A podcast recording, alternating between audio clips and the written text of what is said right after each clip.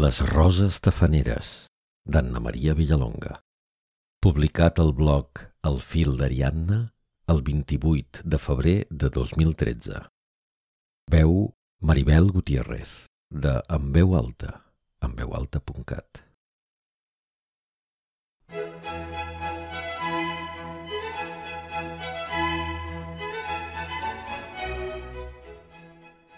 Roses tafaneres de la casa veïna treuen el cap per l'angle petri de la façana muda.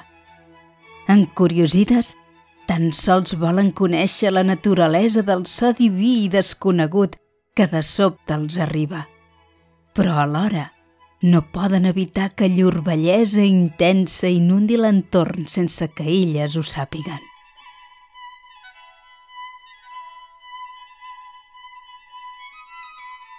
La pluja de les flors de les acàcies converteix el jardí en un indret màgic. Hom diria que petites mans d'àngel juguen a estendre un polsim de cel sobre la gespa verda.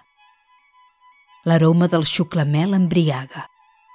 És la fragància de la reina, però la menta, modesta, també intenta oferir-nos son fluvi fresc quan el vent suau li acarona les fulles.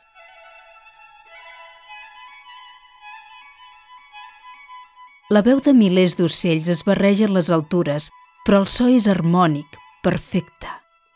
El cant ben avingut d'un cor alat i àgil. Les puputs picotegen un bri d'herba i tot seguit s'enlairen amb indiferència. Les garces s'altironen, els coloms remuguen, un gat miola en la distància. Tot és ple d'insectes.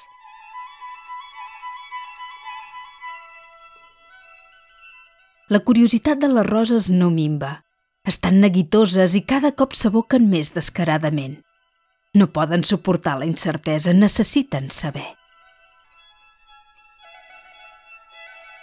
L'esclat de la natura llueix arreu. Un cactus escadusser en un test abandonat ha ofert al conjunt estranyes flors roses. Una taranyina penja solitària de l'escorça d'un pi i una corrua llarguíssima de formigues negres desfila lentament a tocar de la soca. Hi ha un grup de sargantanes que juguen a fet i amagar entre els pocs espais buits de les fulles de l'eure. I un minúscul dragó despistat fuig esperitat quan elles s'hi acosten.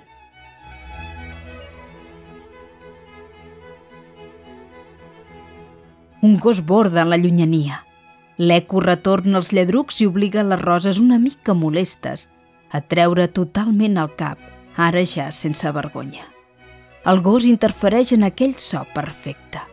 Les roses sospiren amoïnades, però l'instant és efímer i aviat la calma torna. De nou, el temps s'escola lentament. El sol és suau, un sol que manyaga amb dits amorosos. S'aixeca una alè de brisa, però avui no se senten els crits metàl·lics de les gavines. Són totes a mar on l'aigua blava i tèbia les atreu murmurant els mots dels seus ancestres.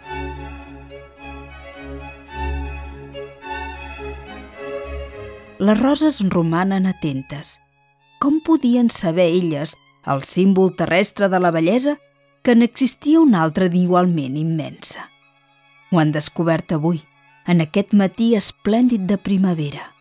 Suaument, amb un ple que amara els seus pètals de vellut tanquen els ulls i es rendeixen.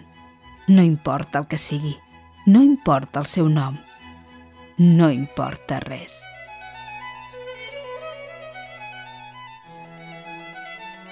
Tan sols té sentit l'explosió salvatge de la naturalesa, la plenitud renovada del renaixement de la vida i les notes esbeltes, magnífiques i irrepetibles d'una altra primavera.